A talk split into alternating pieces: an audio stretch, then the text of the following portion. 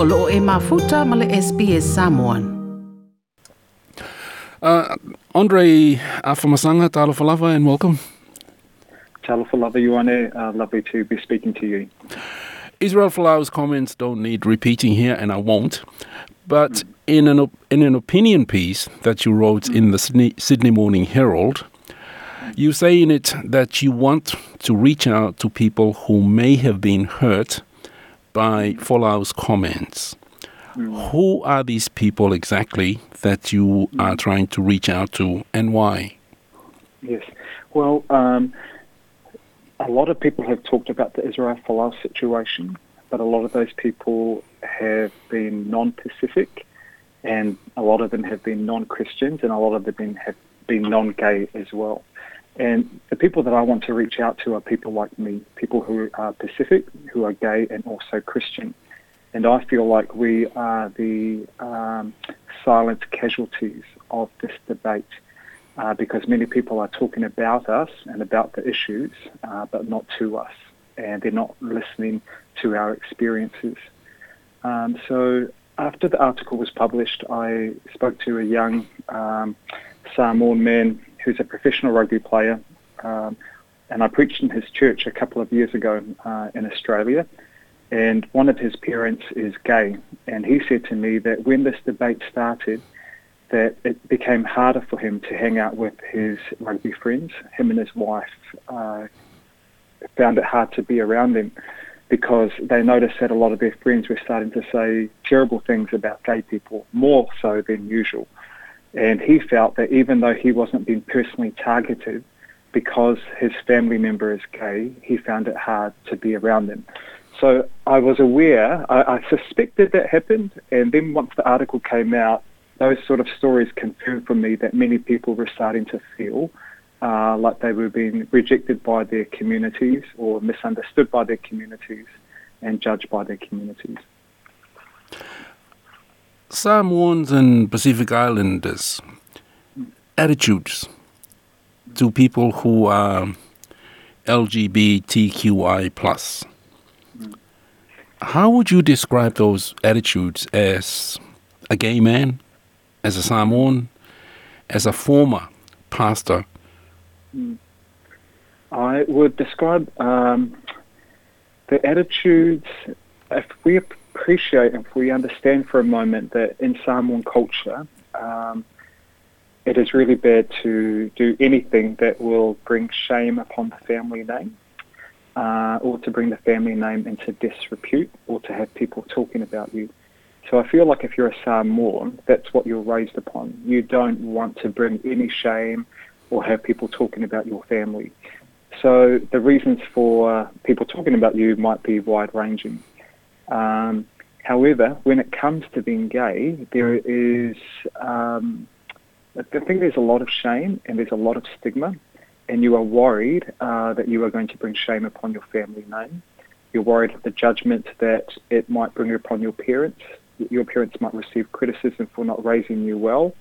Uh, people might not think that you're a proper Christian, um, and that um, you know there's a negative association to it, unfortunately. Um, so I think because of those reasons, it's hard to be gay in a Pacific context, and I think that's why so many are in the closet and for someone like me, I, it wasn't until I was 44 that I decided to come out. Um, that's old, you know.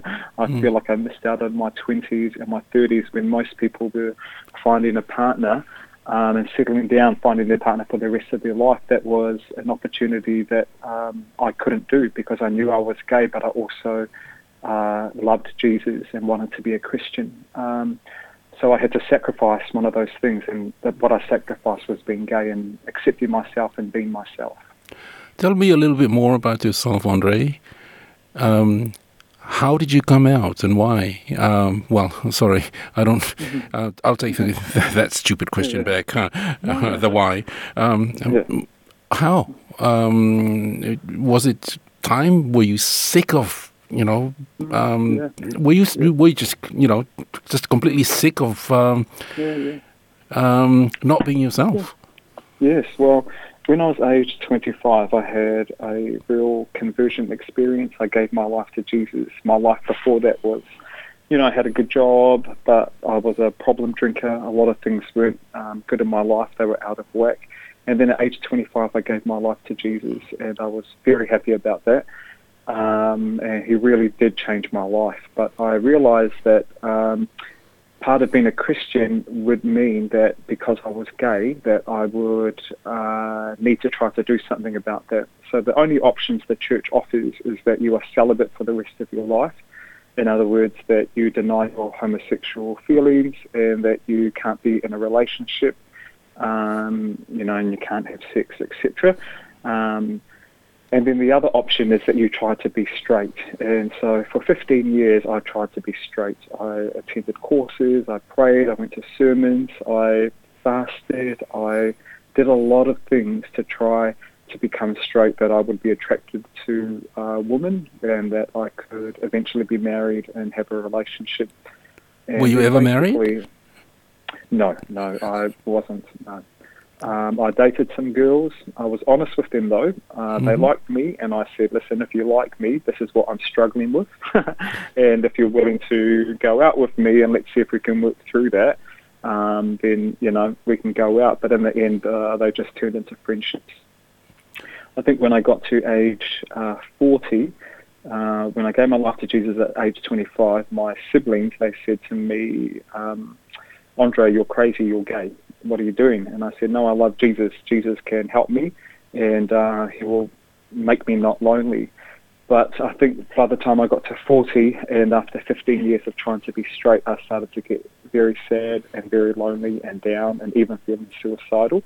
And I was feeling like I, um, that I, I, that I needed to do something. Otherwise, um, I was either going to be single for the rest of my life or I was going to start feeling uh, quite depressed and sad and even suicidal and definitely lonely.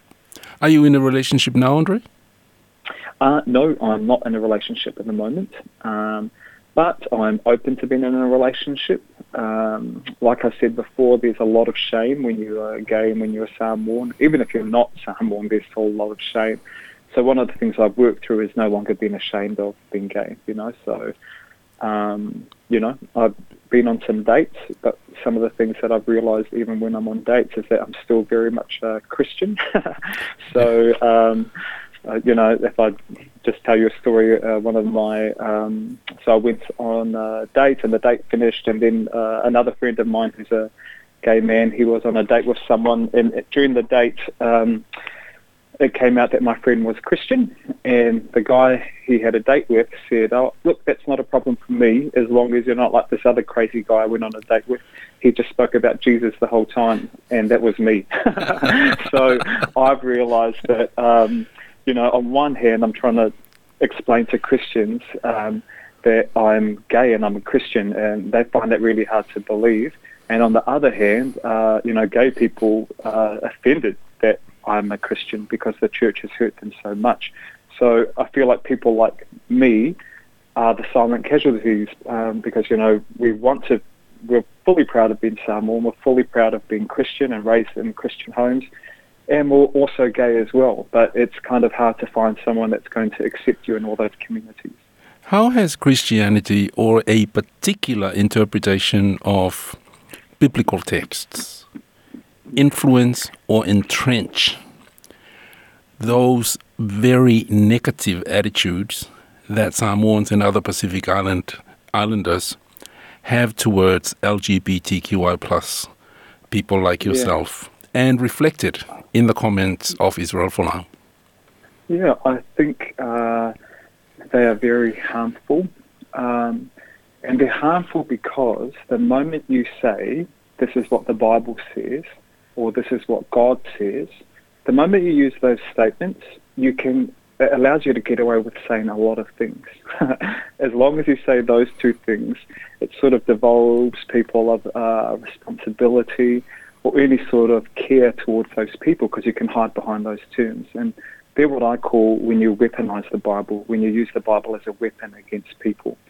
So I love the Bible, absolutely love the Bible. I read the Bible. I think what I found frustrating throughout the Israel Folau situation was that um, I read my Bible every day. Know, I know my Bible quite well, and I would hear people or say writing to me and saying things or writing to other gay people, and they'll say very terrible things like you, you know, faggot or whatever else, and they were saying God. Um, this is what the Bible says, and yet they were saying very harmful things, but in the same sentence, talking about God and the Bible.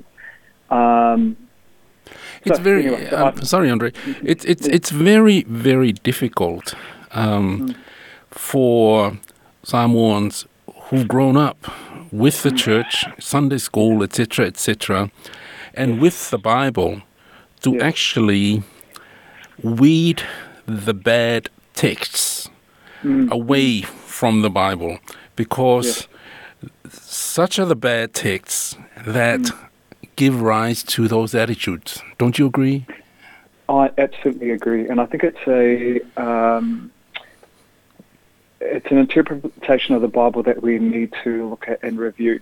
I think there's uh, an important thing. We often say this is what the Bible says, but in fact, uh, if you look at the Bible, you could use the Bible to support slavery, uh, racism, Yeah, Paul. Yeah, Paul. um, Saint Paul. Yes. Yes, yes. a number of things. So, in other words, um, this idea that the Bible says it and that settles it is just not true. We have had to adjust our thinking on a number of issues when it comes to the Bible, uh, especially when we realise the harm that it does to people. So, for instance, if we look at the issue of uh, slavery or segregation or racism, uh, there's a lot of Bible texts to support you acting in that way. But you know, when we came to realize that it was actually harming people, we realized that, well, maybe there's a better way to understand and interpret those texts.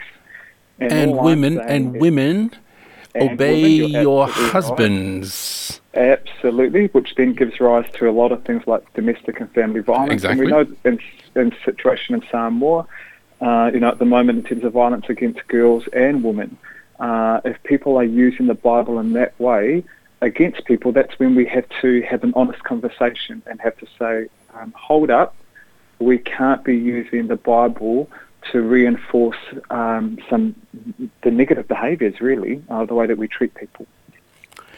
With uh, same sex laws being passed on both sides of the Tasman now, is there a lining on the rainbow? Can you see these attitudes change amongst our people in, say, in the next 10 years or so?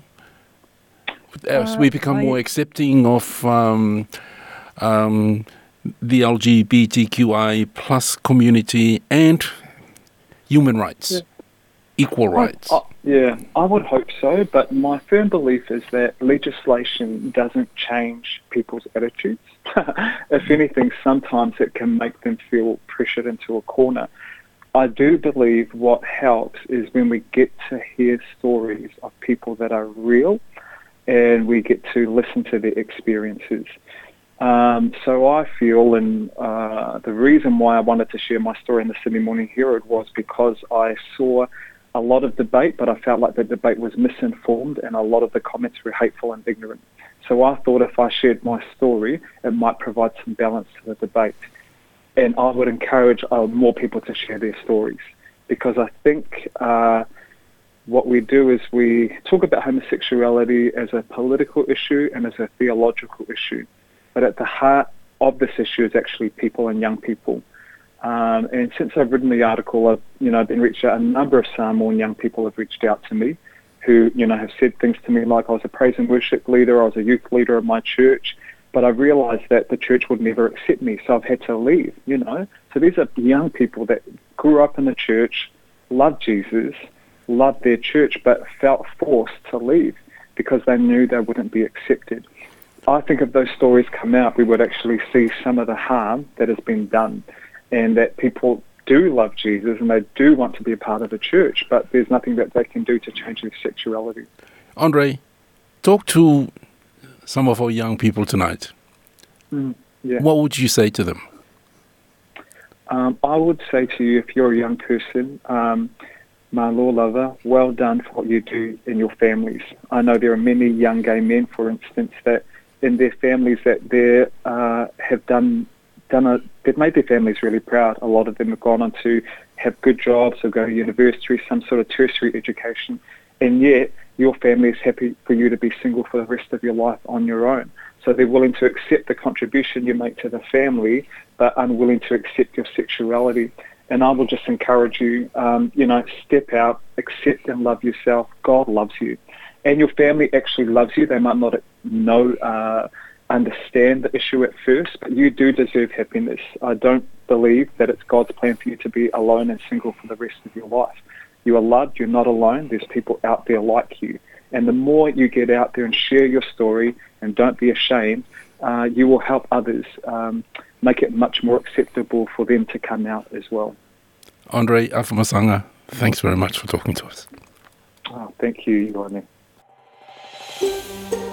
Toi fia whaafafonga i nisi tala whaapea? Whaafafonga i le Apple Podcast, le Google Podcast, Spotify, ma po o whea lawa e mawailau podcast.